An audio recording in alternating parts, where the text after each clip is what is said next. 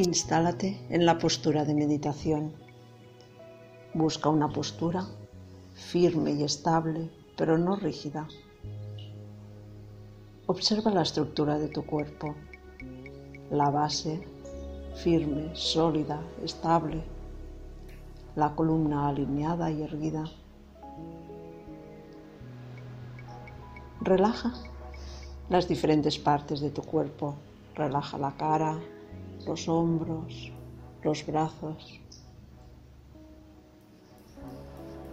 Y lleva tu atención a observar la respiración.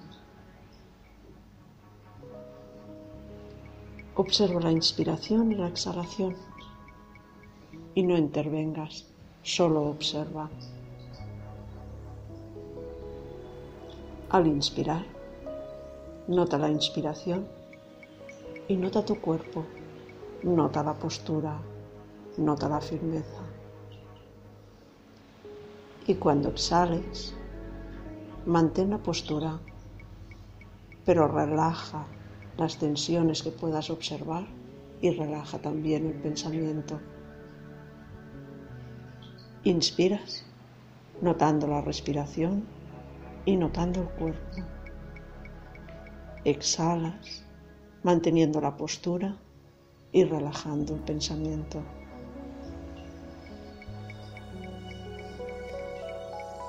Ves haciéndolo así. Cada vez que inspires, nota el aire penetrando en tu cuerpo y nota la postura, nota la estructura del cuerpo.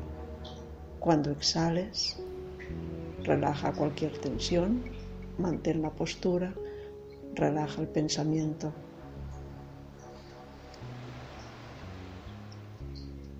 Comienza ahora a introducir una pequeña retención. Inspira y acompaña el aire hacia lo alto del pecho como si te elevaras.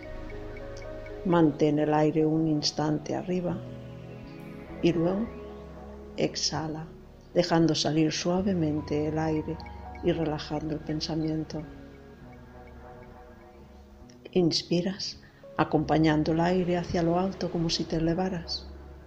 Mantén un pequeño instante el aire y luego exhala y relaja. Después de la exhalación, haz una muy breve pausa, que no llegue a ser una retención. Observa el breve instante en que después de la exhalación aún no ha surgido la inspiración. Observa ese micro instante y luego repite acompañando la inspiración hacia lo alto como elevándote.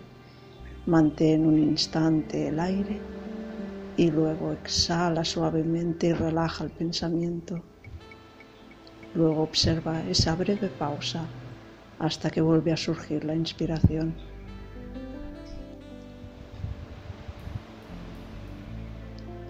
Repite este ejercicio durante unos minutos. Luego, haz unas respiraciones más profundas y ves saliendo de la postura.